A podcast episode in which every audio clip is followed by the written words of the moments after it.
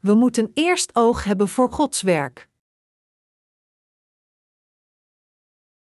Matthäus 16, 21, 25 Van toen aan begon Jezus zijn discipelen te vertonen dat hij moest heen gaan naar Jeruzalem en veel lijden van de ouderlingen en overpriesteren en schriftgeleerden en gedood worden en ten derde dagen opgewekt worden. En Petrus, hem tot zich genomen hebbende, begon hem te bestraffen, zeggende: Heere, wees u genadig. Dit zal u geen zins geschieden. Maar hij, zich omkerende, zeide tot Petrus: Ga weg achter mij, Satanas. Gij zijt mij een aanstoot, want gij verzint niet de dingen die God zijn, maar die der mensen zijn. Toen zeide Jezus tot zijn discipelen: Zo iemand achter mij wil komen, die verloochenen zichzelf en nemen zijn kruis op en volgen mij. Want zo wie zijn leven zal willen behouden, die zal het zelf verliezen, maar zo wie zijn leven verliezen zal, om mijnentwil, die zal het zelf vinden. Er waren veel moeilijkheden voor mij in het jaar 2000. U hebt waarschijnlijk ook moeilijkheden gehad, niet waar? Als Jezus ons niet beschermd had, dan zouden we al overleden zijn, maar we weten dat onze Heer ons in leven heeft gehouden, want Hij is echt machtig.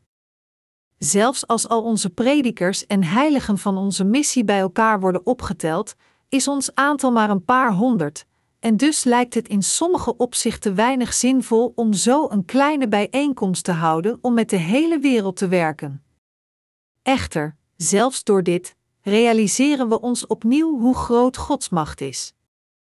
Ondanks dat wij ontoereikend zijn, is de Heer nooit ontoereikend. Dat is waarom ik geloof dat als het de wil van de Heer is, het dan zeker wordt vervuld. Hoewel we klein in aantal zijn en het evangelie aan de hele wereld prediken, is het voor ons heel moeilijk om zo onophoudelijk te werken. Als ik er diep over nadenk, dan doen we inderdaad iets waarlijk verbazingwekkend. Uitgeput door slopende arbeid kwamen we in de buurt van de dood. Als we er in vleeselijke termen over nadenken, is onze arbeid zo zwaar voor ons dat we in de ban zijn van het vooruitzicht van het werk dat de komende dagen moet worden uitgevoerd, maar als we er met ons geestelijk verstand over nadenken, zijn we zelfs hier dankbaar voor. Terwijl ik zelf aan het worstelen ben, weet ik dat onze dienaren en jullie allemaal, die de prediking van het evangelie ondersteunen, ook worstelen. Maar ondanks deze moeilijkheden, bent u niet omgekomen, maar hebt u zelf in leven gehouden om de Heer helemaal tot op dit punt te volgen. En ik ben hier zeer dankbaar voor. Vandaag hebben we een passage uit Matthäus hoofdstuk 16 gelezen. In de geschrifte passage van vandaag vertelde Jezus zijn leerlingen dat hij naar Jeruzalem moest gaan, veel moest lijden van de oudsten, priesters en schriftgeleerden, vermoord zou worden en weer na drie dagen uit de dood zou verrijzen. Toen zei Petrus, om zijn loyaliteit aan Jezus te tonen, tegen hem: Heere, wees u genadig. Dit zal u geen zins geschieden. Petrus had dit gezegd ter wille van de Heer, zich niet beseffend dat het feitelijk zijn eigen vleeselijke gedachten waren. Maar in plaats van geprezen te worden voor zijn loyaliteit, zorgden de woorden van Petrus ervoor dat Jezus boos werd, en hij werd dientengevolge er hard voor berispt. De Heer zei toen tegen Petrus, maar ook tegen ons: We zouden echt geestelijk kunnen leven. Zo iemand achter mij wil komen, die verloochenen zichzelf en nemen zijn kruis op en volgen mij. Want zo wie zijn leven zal willen behouden, die zal het zelf verliezen, maar zo wie zijn leven verliezen zal, om mijnentwil, die zal het zelf vinden. Matthäus 16, 24, 25. De Heer zei hier ook dat wie dan ook Jezus wil volgen als eerste zichzelf moet ontkennen, zijn kruis moet oppakken om hem dan te volgen. Nu, sommigen van u zullen denken: daar gaat hij weer. We weten alles al over deze passage. We kunnen misschien alles over het woord weten, maar al te vaak zijn we niet in staat onze kennis in praktijk te brengen. Ook zijn er bepaalde passages die ons verstand pas volledig kunnen bevatten en begrijpen na een paar jaar, zelfs na verschillende preken erover gehoord te hebben. Zelfs als we over al de passages in de 66 boeken van de Bijbel honderden keren zouden spreken, kan het niet te overdreven zijn voor ons. Dat is waarom we keer op keer naar het woord van God moeten luisteren. Wat Jezus tegen Petrus zei in de geschriften passage van vandaag is zeer gunstig voor ons. Want gij verzint niet de dingen die God zijn, maar die der mensen zijn. De Heer berispte Petrus hiervoor. Wat is dan het verschil tussen de dingen van de mensen en de dingen van God? Hoe zijn ze verschillend? We moeten ons bewust zijn van de dingen van God. Wanneer we iets op de een of andere manier willen doen, dan moeten we als eerste aan het werk van God denken. We moeten ons ook meer bewust zijn van grote dingen in plaats van kleine dingen, en van het hele plaatje dan een gedeelte van het plaatje. Boven alles moeten we ons verstand richten op de grotere zaak. Als we niet oppassen, zijn we geneigd om geobsedeerd te raken met kleine dingen en dan is het heel goed mogelijk dat we denken dat ons oordeel op onze eigen manier juist is. Maar, als we ons richten op de wil van God, dan kunnen we ons realiseren dat het verkeerd van ons is te denken gebaseerd op kleine dingen. We moeten de gedachten van de geest volgen, niet de gedachten van het vlees. Net zoals Petrus om deze reden berispt werd door Jezus in de geschrifte passage van vandaag, is dit ook iets wat wij ons allemaal onfeilbaar in onze levens van geloof moeten herinneren. Anders gezegd, het is noodzakelijk dat wij als eerste aan grotere dingen denken dan aan kleinere dingen, aan de grotere zaak dan aan de wil van het vlees.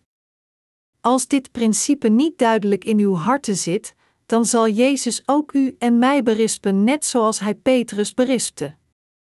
Hij zal hetzelfde zeggen dat hij tegen Petrus heeft gezegd: Onze gedachten moeten rechtvaardig zijn. Dit betekent dat wij als eerste aan Gods werk moeten denken.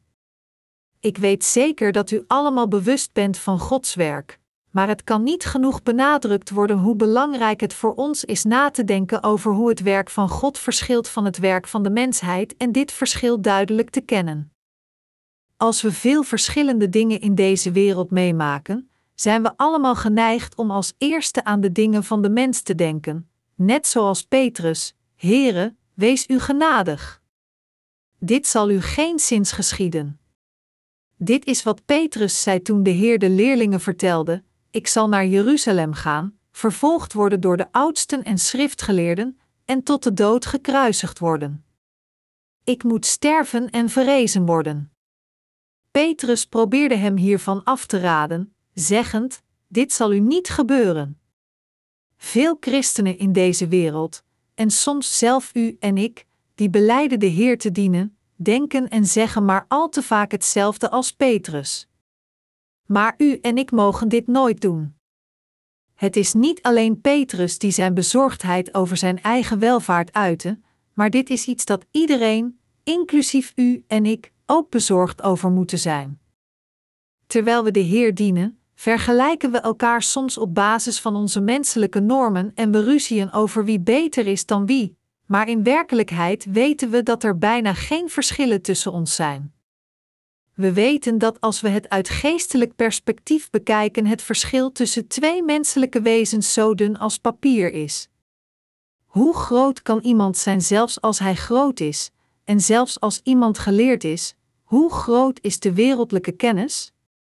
Het verschil is onbeduidend. Diegenen die op het vlees gericht zijn, diegenen die denken vanuit het perspectief van de mensheid, dat wil zeggen diegenen die alleen bezorgd zijn over hun eigen welvaart en eer, en alleen denken aan de voorspoed van hun vlees, denken als Petrus. Onlangs heb ik zitten kijken naar een historisch drama op televisie, en ik zie mensen vaak samenzweren tegen hun politieke vijanden hen vermoordend om de macht te grijpen, en hoe dergelijke achterbakse en onrechtvaardige mensen overwinnen. Het is niet overdreven om te zeggen dat de geschiedenis van de mensheid er een is die getekend wordt door eindeloos bloedvergieten, aangespoord door diegenen die dorstig zijn naar macht, proberend hun eigen verlangen te vervullen. Anders gezegd, de geschiedenis van de mensheid is het resultaat van de activiteiten van diegenen die op zoek waren naar macht. In veel opzichten komt het door een paar individuen dat de geschiedenis van het menselijke ras zich ontvouwd heeft als een wedstrijdveld om te bepalen wie zou slagen, wie hoger, wie groter en wie het meest vooraanstaand zou zijn, in plaats van een grote zaak. Petrus hield zoveel van Jezus dat toen Jezus zei: Ik moet sterven, hij hem probeerde tegen te houden, door te zeggen: Dit zal u nooit gebeuren. Petrus zei dit omdat hij te veel van Jezus hield. Het is niet omdat Petrus Jezus haatte dat hij dit zei. Terwijl we de Heer dienen, moeten wij ons focussen op het feit of de wil van de Heer vervuld wordt of niet. We moeten ons bewust blijven van grotere dingen. In plaats van ruzie te maken over individuele verdiensten, moeten u en ik ons verstand richten op de grotere zaak.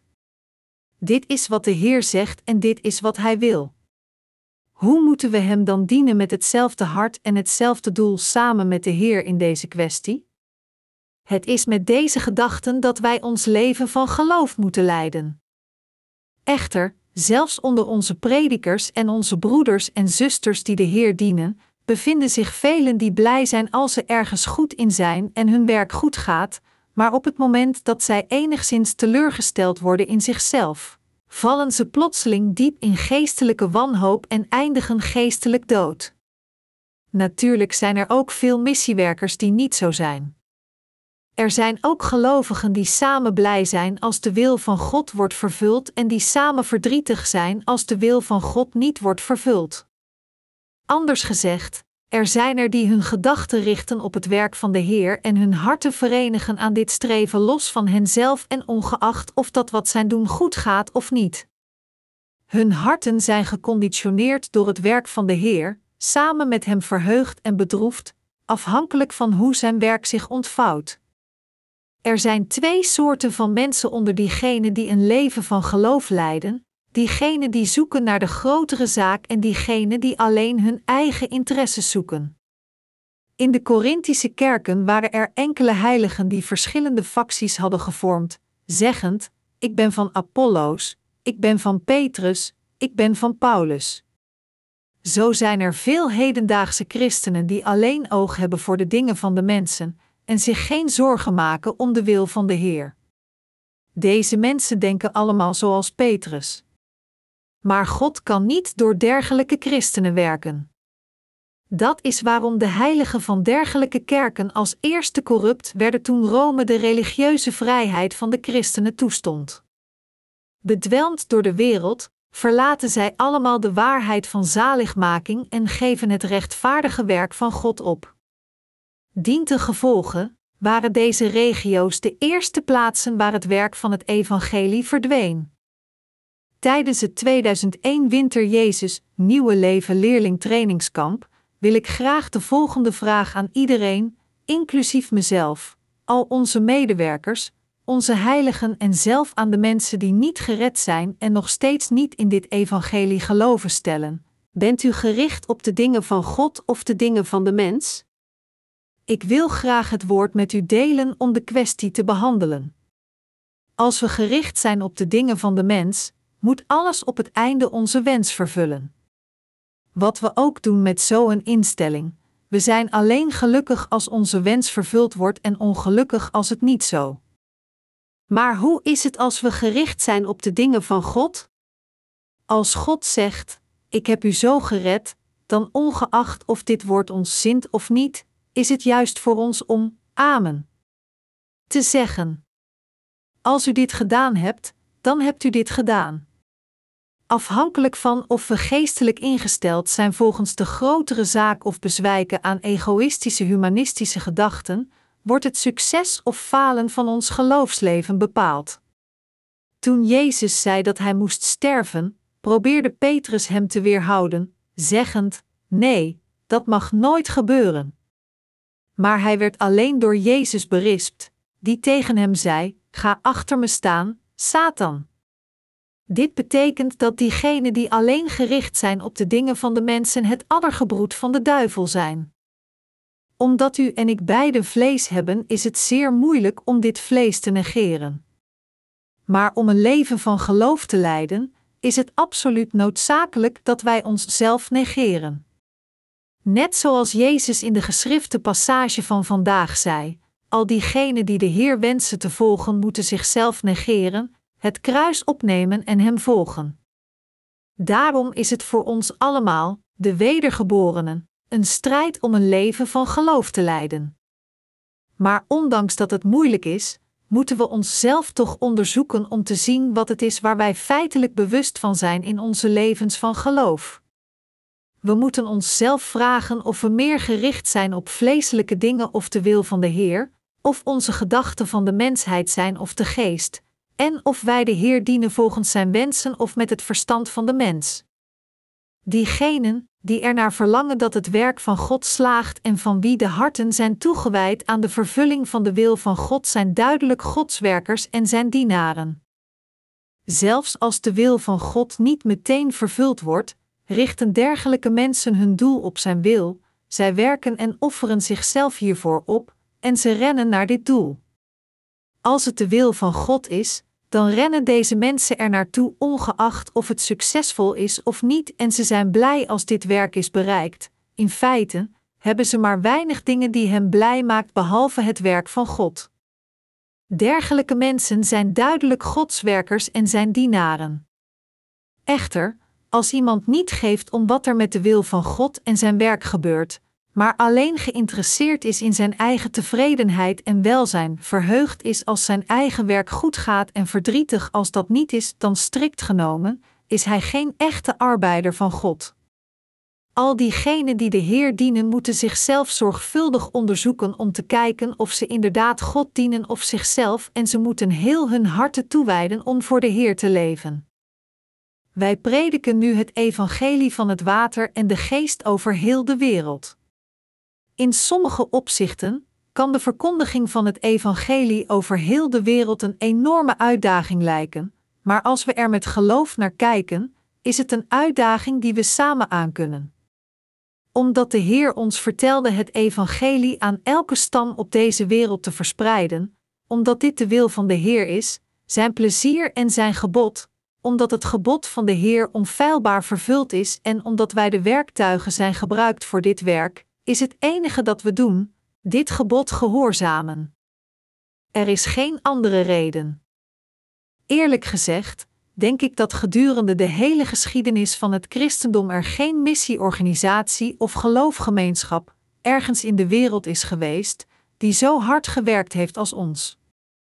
Is er een missiegroep die het evangelie in meer dan 200 landen over de wereld predikt?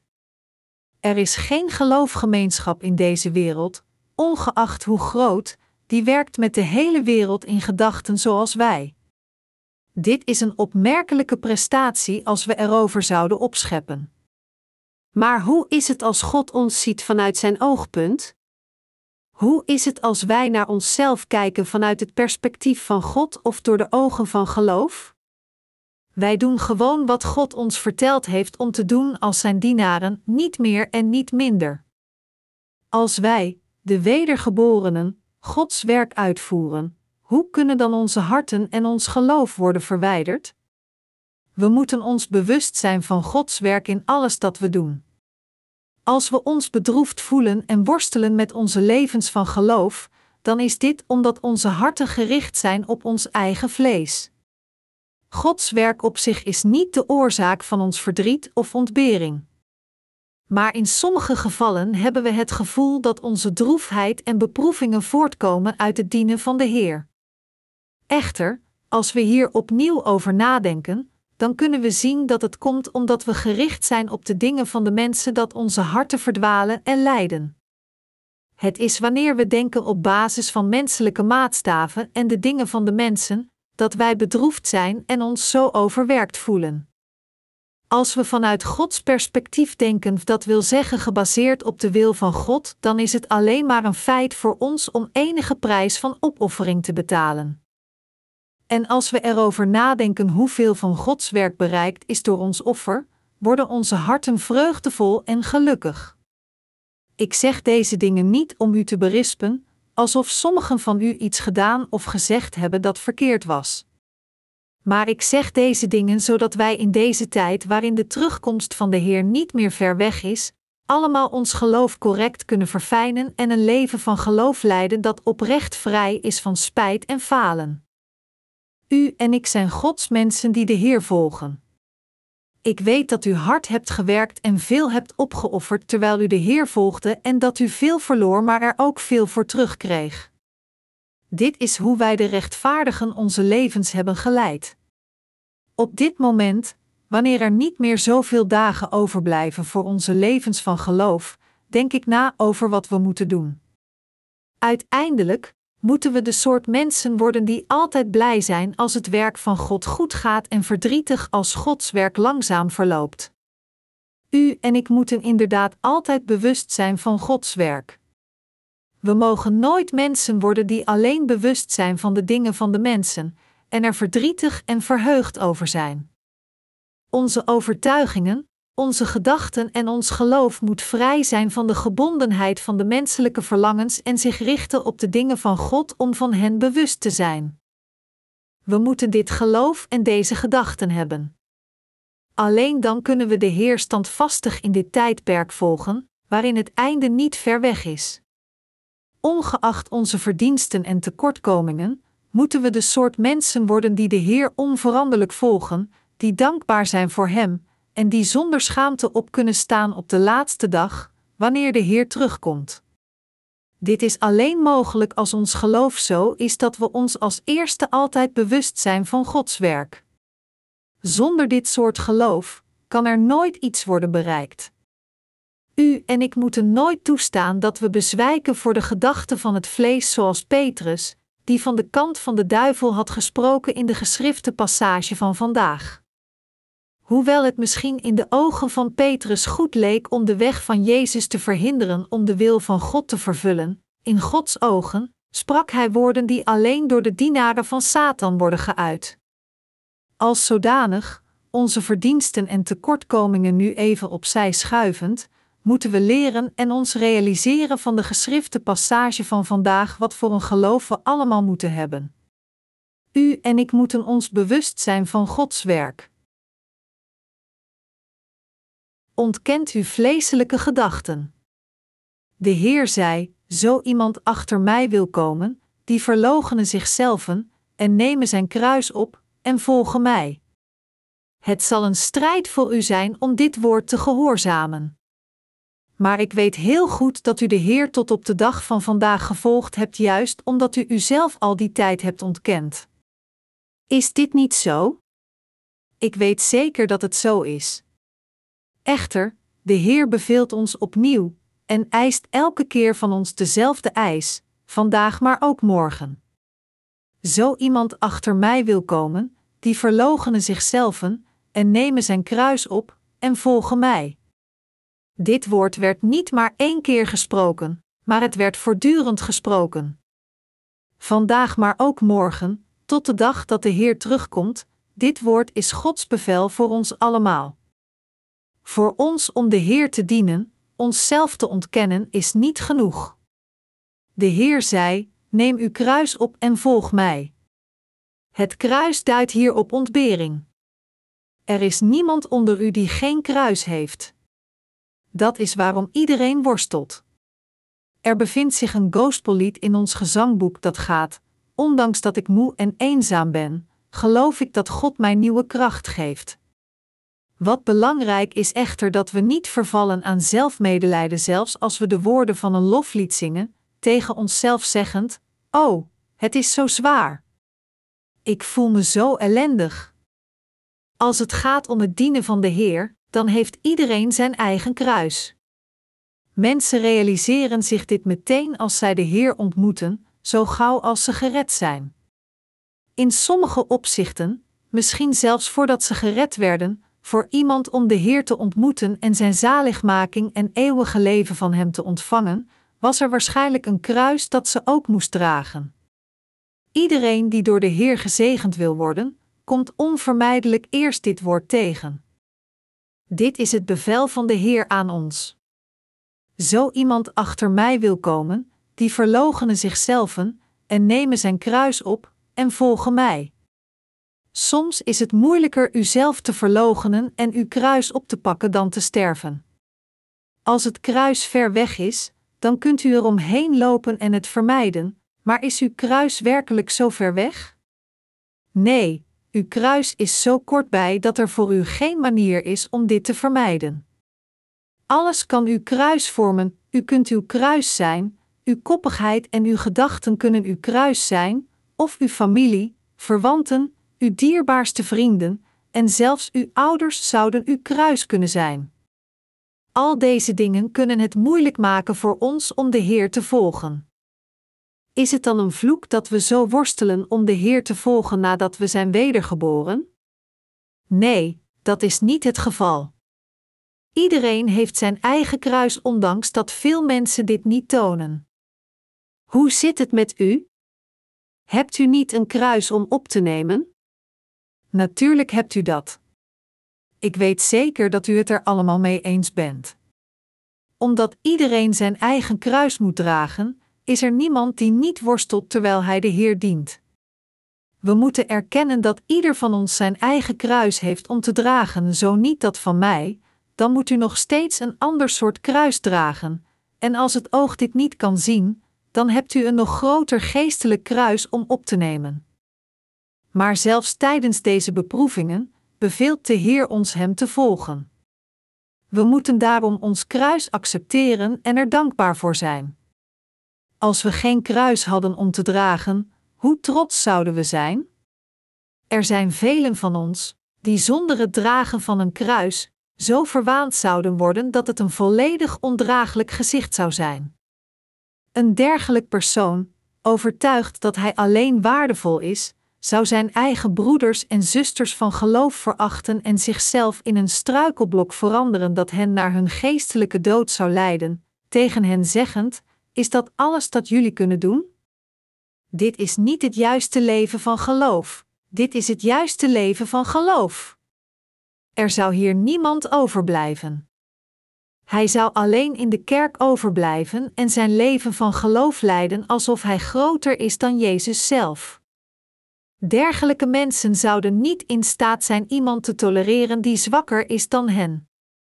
Dit kan ons echter nooit gebeuren, want u en ik hebben elk een kruis te dragen.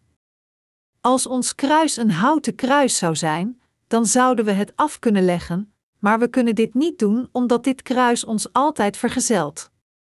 Het is onvermijdelijk dat diegenen die veel geworsteld hebben, veel medelijden hebben met andere worstelende zielen en hun zwakheden verduren juist omdat ze zelf door dergelijke moeilijkheden zijn gegaan.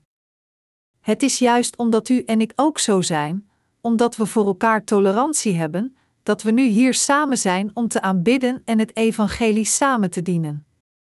Iedereen die de Heer dient, heeft een kruis te dragen. Dat is waarom de Heer ons beval onszelf te verloochenen, ons kruis op te nemen en Hem te volgen. Geloof gaat over het volgen van de Heer, ongeacht wat er met ons gebeurt.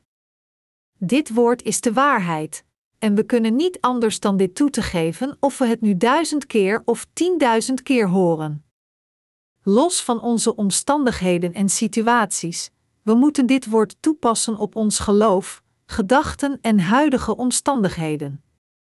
En als er iets is dat ons dwingt onszelf te verloochenen, dan moeten we onszelf inderdaad verloochenen. Diegenen die zichzelf te zwak beschouwen, moeten dergelijke gedachten van zichzelf negeren en tegen henzelf zeggen dat ze sterk zijn in Christus, want zij geloven in de Heer. Van de andere kant, Diegenen die denken dat ze sterk en perfect genoeg zijn, moeten naar de Heer kijken en tegen zichzelf zeggen dat zij inderdaad niet zijn. U en ik moeten onszelf verloochenen en ons kruis oppakken, zelfs tijdens onze moeilijkheden, en als deze moeilijkheden door de Heer worden toegestaan, kijk naar de Heer en volg Hem. De Heer zei tegen ons: Zo iemand achter mij wil komen, die verloochenen zichzelf en nemen zijn kruis op en volgen mij. We hebben geen keus dan de Heer te volgen en dit woord te accepteren. Waarom? Omdat uw voorgangers van geloof zelfs de Heer gevolgd hebben tijdens hun ontberingen. Als u toevallig denkt, het lijkt mij dat mijn voorgangers van geloof geen ontberingen hebben gehad. Ze leken het prima te doen en waren altijd blij, dan hebt u het helemaal verkeerd. De voorgangers van geloof in Gods kerk hebben zichzelf voor alle tijd verlogend om het evangelie te dienen en de wil van God te volgen. Het is juist omdat het zo zwaar en moeilijk is, dat als onze voorgangers van geloof samenkomen, zij af te toe voetballen. Ref. Kim, die nu alleen in de Verenigde Staten aan het werken is, vertrouwde me ooit eens toe dat er niemand was om voetbal mee te spelen. Hij herinnerde zich mijn gekheid hoeveel plezier we hadden als we binnen voetbal speelden met een bal gemaakt uit stukken spons of sokken toen hij nog in Korea was. Hij vertelde me ook dat tijdens het autorijden hij altijd Koreaanse liedjes zingt. Ik kan dit heel goed begrijpen. Dit is hoe moeilijk het is voor Ref. Kim om de Heer te volgen terwijl hij zichzelf verlogent om de dingen van God te bereiken. Weet u hoe nuttig het is om van tijd tot tijd scheldwoorden te gebruiken? Zijn scheldwoorden een deel van onze taal of niet? Ze zijn een deel van onze taal. Kan men zonder taal leven? Sommige mensen, als zij me horen vloeken terwijl ik predik, zeggen: Die paaster heeft zo een vuile mond. Maar gewoonlijk vloek ik niet zoveel. Maar als mijn hart opgewonden is, dan vloek ik wel een beetje. Ik kan hier niets aan doen. Als ik niet vloek, dan stijgt mijn bloeddruk zo hoog dat ik eraan zou sterven. Als ik gestrest ben, dan stijgt mijn bloeddruk zo hoog dat ik niets meer kan zien, zelfs de mensen die recht voor me staan. Dus als er geen mensen om me heen staan, dan aarzel ik niet om smerige obsceniteiten eruit te gooien. Als er een blikje op de grond ligt, dan schop ik er tegen, of ik ga naar de badkamer, draai de kraan open zodat niemand mij kan horen en vloek als een piraat. Wat gebeurt er nadat ik zoveel gevloekt heb? Dan vraag ik mezelf af: is dit niet te veel? Ben ik ook niet zoals iedere andere? Dus waarom klaag je over anderen als je zelf niet anders bent? Dan antwoord ik mezelf: Nou, dat is juist. Ik ben niet beter, maar het is zo zwaar en moeilijk. Ik schaam me. Wat zou er gebeurd zijn als de Heer geen 33 jaar op deze aarde had geleefd? Hij ervaarde hoe moeilijk het is om met het vlees te leven. Dus staat er geschreven: Want wij hebben geen hoge priester, die niet kan medelijden hebben met onze zwakheden, maar die in alle dingen, gelijk als wij, is verzocht geweest, doch zonder zonde. Hebreeën 4 uur 15. Had Jezus niet zelf ervaren hoe het leven op zich een kruis is, dan zou Hij onze gebeden niet beantwoorden. Het is omdat de Heer zelf alles ervaren heeft waar wij doorheen gaan dat Hij onze gebedsverzoeken kent en ons die zwak zijn wil helpen. Dat is waarom we naar de Heer bidden.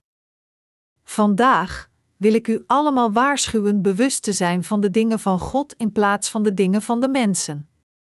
We moeten stoppen ons vast te houden aan de dingen van de mensen. We moeten ruimdenkend zijn. Als we kleingeestig zijn, dan zullen we alleen maar veranderen in wereldlijke schurken. Als we ons groter doel verlaten en alleen denken aan onszelf, dan zal uiteindelijk alles gedaan worden voor onszelf en voor onze eigen factie. We worden verondersteld voor de Heer te leven, en dus hoe belachelijk zou het zijn als we ons alleen zorgen zouden maken over onszelf in plaats van de Heer? Om een land te laten bloeien moeten er veel patriotten zijn die toegewijd zijn aan hun land. Als er meer mensen zijn die alleen bewust zijn van zichzelf, hun eigen factie en hun eigen interesses dan patriotten die toegewijd zijn aan hun land, dan zal het land vallen. Soms als we bezig zijn met een groot project, dan zien we mensen die bezig zijn met kleine dingen en we vragen ons af, denkend: wat is er met hen aan de hand? Maar als we onszelf in hun schoenen plaatsen, dan kunnen we hun gedachtegang begrijpen. Wat belangrijk is, is dat we ons niet moeten bezighouden met de dingen van de mensen, zoals Petrus. Als we ons richten op de dingen van God, dan kunnen we al de problemen die we aanschouwen oplossen en ook al onze moeilijkheden overwinnen. Anders gezegd, denkend aan Gods werk is het antwoord voor elk probleem dat wij aanschouwen.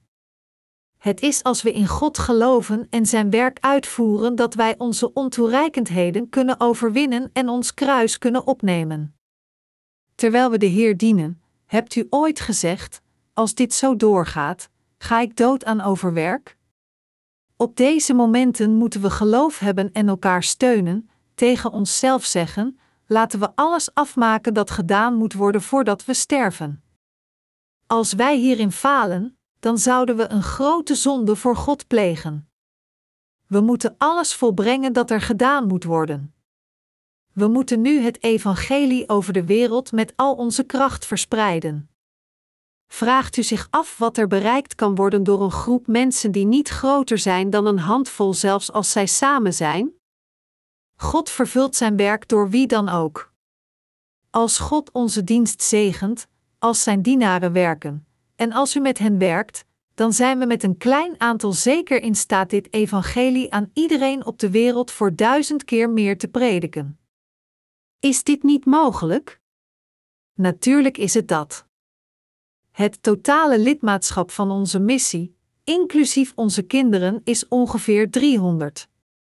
Als elk van u een land zou nemen, dan zouden er nog 50 over zijn, sinds er ongeveer 250 landen in de wereld zijn. Als u bekwaam bent, dan kunt u 10 landen nemen. Als u nog bekwamer bent dan dit, dan kunt u 20 landen nemen. Als u echter niet zo bekwaam bent, dan kunt u een half land nemen, en als u nog minder bekwaam bent, dan kunnen vijf van u samenkomen en collectief een land nemen. Als wij de rechtvaardigen samenkomen, dan is er niets dat wij niet kunnen doen, want God is met ons. Ondanks dat er 5000 stammen in de hele wereld zijn, onze 300 leden kunnen elk 17 stammen nemen. Kunnen we dit op eigen kracht doen? Nee. Het is in Hem die ons kracht geeft dat wij al deze dingen doen. Het enige dat wij hoeven te doen is naar God te bidden dat Zijn werk succesvol is en de rest is aan Hem. Sinds God zelf ons bevolen heeft dit werk uit te voeren, zou Hij ons dan niet ook de kracht geven? Dit jaar en het volgende ben ik van plan het evangelie in de meeste delen van de hele wereld te verspreiden, binnen twee jaar. En ik geloof dat als we hard werken, wij in staat zijn dit te volbrengen. Als de Heer ons kracht geeft, dan zijn we meer dan in staat dit doel te bereiken. Als Hij ons niet de kracht geeft, dan zullen we niet in staat zijn dit te bereiken. Sinds de Heer zelf ons verteld heeft dit werk uit te voeren, alles wat we moeten doen is het gewoon doen, vertrouwend in de Heer. Maar alleen al in Korea, hoe weinig zijn diegenen die dit evangelie hebben geaccepteerd, ondanks dat wij het zo ijverig hebben gepredikt? En hoeveel talloze mensen hebben het geweigerd? Hetzelfde geldt voor andere landen. Maar, diegenen die ergens in de wereld op zoek zijn naar God, hebben nu gemakkelijk toegang tot onze boeken en kunnen deze lezen. We geven onze boeken gratis weg en verstrekken ook e-boeken, zodat iemand die zoekt naar God de Heer kan ontmoeten. Diegenen die niet naar God zoeken en zich niet bewust zijn van zijn werk, kunnen de Heer niet ontmoeten, zelfs als zij naast ons wonen in Korea. Als mensen de Heer niet kunnen ontmoeten, dan kunnen ze ook niet hun zaligmaking bereiken. Het is niet omdat wij de macht hebben, maar omdat de Heer de macht heeft en omdat het zijn wil voor het evangelie is verspreid te worden over de wereld, dat het evangelie inderdaad over heel de wereld verkondigd wordt. Het enige wat wij doen is dit werk met geloof uit te voeren. Kan het werk van het dienen van de Heer falen? Zal dit werk van het prediken van het evangelie van God over heel de wereld eindigen zonder zijn doel te bereiken? Het bedrijf dat absoluut niet kan falen is Gods bedrijf. Falen is onmogelijk voor het bedrijf van God. De reden waarom wij er zo van overtuigd zijn dat het succes voor 100% gegarandeerd is en falen onmogelijk is, is omdat dit de wil van God is. Het is onder zulke omstandigheden dat wij de Heer nu dienen. U en ik hebben het afgelopen jaar veel werk verricht. Ook dit jaar voeren de heiligen en godsdienaren het werk van het evangelie uit, maar de snelheid zal vele malen sneller worden dan wat we tot nu toe hebben gedaan. Als u uw kruis opneemt en de Heer volgt, als u denkt aan Gods werk en uw lichaam en geest eraan toewijdt, en als u het evangelie met geloof dient, dan zal het evangelie zeker over heel de wereld verspreid worden, en ik kan dit met zoveel vertrouwen zeggen alsof het al volledig gepredikt is. Diegenen die voor de Heer willen sterven zullen leven, maar diegenen die willen leven voor zichzelf zullen sterven. Iemand die alleen zijn eigen leven wil behouden van ontberingen zal de dood aanschouwen, maar iemand die bereid is zijn leven voor de Heer te geven zal gered worden. Dat is het woord van waarheid. Het lijkt alsof we zouden sterven als we bewust zijn van de Heer en zijn werk en in Hem geloven, maar we zullen in werkelijkheid leven. Als we alleen proberen onszelf te redden, dan zullen we de dood aanschouwen. Het is juist om die reden, omdat we willen leven, dat we ons kruis opnemen, onszelf verloochenen en de Heer volgen. Anders gezegd, we volgen de Heer omdat we willen dat onze zielen leven ongeacht wat er met ons vlees gebeurt. Als onze zielen vernietigd zouden worden nadat we zo geleefd hebben, wie onder ons zou dan de Heer volgen? Als deze weg van het volgen van de Heer de weg naar onze eigen vernietiging zou zijn, wie zou Hem dan gewillig volgen? Het zou onmogelijk zijn de Heer te volgen als het ons naar onze eigen vernietiging zou leiden. De enige manier van leven dat ons redt is bewust te zijn van het werk van God en ons trouw aan dit werk van het dienen van het evangelie toe te wijden tot het moment van onze dood. En daarom hebben wij onszelf verlogend met geloof, ons kruis opgenomen en volgen nu de Heer. Ondanks dat wat we nu zien er feilloos en onmogelijk lijkt, moeten we toch zo een leven leiden, juist omdat dat uiteindelijk de enige manier is om gered te worden, het eeuwige leven te bereiken en zegeningen te ontvangen. Overigens, vragen sommigen van u zich toevallig af: waarom zijn er zo weinig mensen in Korea die dit evangelie hebben? Weet u hoeveel mensen de apostel Paulus had toen hij het evangelie predikte? Hij had ongeveer een dozijn mensen in Efeze, tien in Rome en een paar in Thessaloniki en ongeveer tien in Colosse. Bij elke kerk geplant door Paulus, predikte hij aan een congregatie met minder dan 50 personen. Vergeleken met dit is ons aantal gigantisch. Voor de aanbiddingdienst van vandaag ben ik langs onze zondagschool gegaan en daar zag ik drie leraren en ongeveer 30 studenten. Eerlijk gezegd, vergeleken met een zondagschool van een megakerk in de wereld, is onze zondagschool inderdaad een hele kleine samenkomst, zelfs als al de kinderen van onze zusterkerken er samen zouden zijn. Echter, in Gods ogen, is onze zondagschool een enorme grote samenkomst. Er is hier leven en het woord, de leraren zijn ware leraren die het evangelie van het water en de geest prediken, en de studenten die naar de woorden van deze leraren luisteren zijn duidelijk wedergeboren studenten. Als onze zondagschoolstudenten in Gods kerk het woord horen, dan geloven zij er meteen in en ze brengen het in de praktijk zodra ze het leren. Na onze zaligmaking bereikt te hebben, zijn u en ik nu hier verzamelend in Korea, waar wij de Heer aanbidden en Hem dienen. Hoewel de broeders en zusters hier samen in Korea niet veel zijn, als we al de wedergeboren heiligen over de hele wereld tellen, dan is het aantal van onze kerkleden vrij groot. Als er een geloofgemeenschap in de wereld groter is dan ons, laat ze nu opstaan. Moeten we al onze heiligen en godsdienaren over heel de wereld samenbrengen en een geestelijke oorlog voeren met al de christelijke zondaars van de wereld? Zelfs als zij ons in de duizenden zouden aanvallen, wij zouden niet verslagen worden, maar hen in plaats daarvan verslaan, zelfs als we maar een dozijn mede-rechtvaardige mensen aan onze kant hebben. Omdat de rechtvaardigen het woord hebben, het zwaard van waarheid, Als wij de Bijbel openen en hen een paar passages laten zien, dan zullen ze toegeven dat hun geloof verkeerd is. Lang geleden was er een tijd dat Elia, een profeet van God, zich in een grot verstopte. God riep hem op dat moment. Dus zei Elia: Heer, iedereen die bang voor u was, is nu dood, en al uw dienaren zijn vermoord. Ik ben de enige die nog leeft. Wat zei onze Heer toen tegen hem? Hij zei: Ook heb ik in Israël doen overblijven zevenduizend, alle knieën, die zich niet gebogen hebben voor Baal, en alle mond, die hem niet gekust heeft. 1 Koningen 19 uur 18. Er zijn godsmensen overgebleven in elke hoek van de hele wereld. Ook al zijn ze misschien niet in onze ogen te zien, in Gods ogen zijn zij mensen overal. De dienaar van God die de eredienst voorzat, voordat ik mijn preek begon, zei dat er ongeveer 100 medewerkers zijn in onze kerken in Korea, maar in werkelijkheid zijn er veel meer over de hele wereld. Dat is wat ik geloof. Deze mensen zijn met ons verenigd vanuit elke hoek van de wereld. Zij delen onze boeken en het evangelie wordt gepredikt door hun lippen. Zoveel mensen hebben de vergeving van zonden door hen ontvangen dat in de eindtijd onze geloofgemeenschap een van de grootste in de wereld wordt.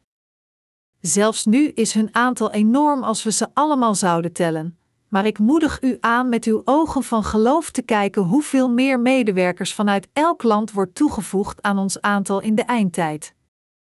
Het staat geschreven in het boek van Openbaring dat een ontelbare menigte gekleed in witte kleren, ontelbaar door de mens, voor de Heer zullen komen op de laatste dag. Openbaring 7, 9. Dus vroeg de apostel Johannes aan de Heer: Heer, wie zijn deze mensen? En de Heer zei dat zij diegenen waren die uit de grote verdrukking kwamen. Openbaring 7 uur 14. Wie zijn deze mensen waar het boek van Openbaring hierover spreekt? Zij zijn diegenen die zijn wedergeboren uit het water en de geest. Anders gezegd, diegenen die triomferen door in het evangelie van het water en de geest te geloven in het midden van de grote verdrukking en de zaligmaking van God ontvingen zullen in die tijd naar buiten komen. Ik geloof hierin met mijn ogen van geloof.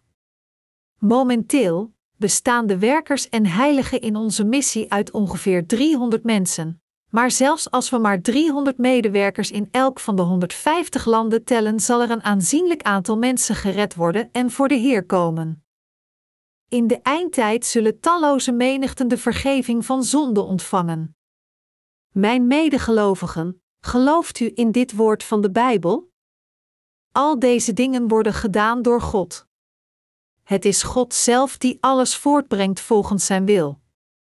Wij zijn gewoon Zijn werktuigen, maar als zijn werktuigen moeten we bewust zijn van zijn werk in onze arbeid. Dit is het enige dat wij doen. We hebben zo gewerkt in 2020-01-E en ook in 2002, en tot de dag dat de Heer terugkomt zullen we dit werk blijven uitvoeren. Er is niet meer zoveel tijd voor ons om in het buitenland te werken. Sommige broeders zeggen: als 2002 voorbij gaat en Jezus nog steeds niet is teruggekeerd, laten we dan stoppen met Hem te dienen. Maar dat is niet als de wereld eindigt en Jezus terugkomt. Een boer moet het zaad op het juiste moment zaaien. Alleen als hij het zaad precies op het juiste moment zaait, kunnen ze opschieten en zullen de bloemen bloeien. Het is dan dat de boer de oogst, als de tijd komt, kan oogsten. Wij werken nu om het zaad te zaaien. Ondanks dat dit werk nu klein lijkt, uiteindelijk zal het buitengewoon groot zijn. Het is al buitengewoon groot geworden en heeft veel vruchten geoogst. Het zal nog groter worden. Wanneer een enkele zaadkorrel wordt gezaaid en opschiet, hoeveel vruchten worden er dan geboren? Het draagt veel vruchten. Het is hetzelfde principe. Wij zaaien nu het zaad van het evangelie over heel de wereld, en als een persoon het evangelie accepteert, dan zal hij nog meer vruchten dragen met 30, 60 en 100 keer.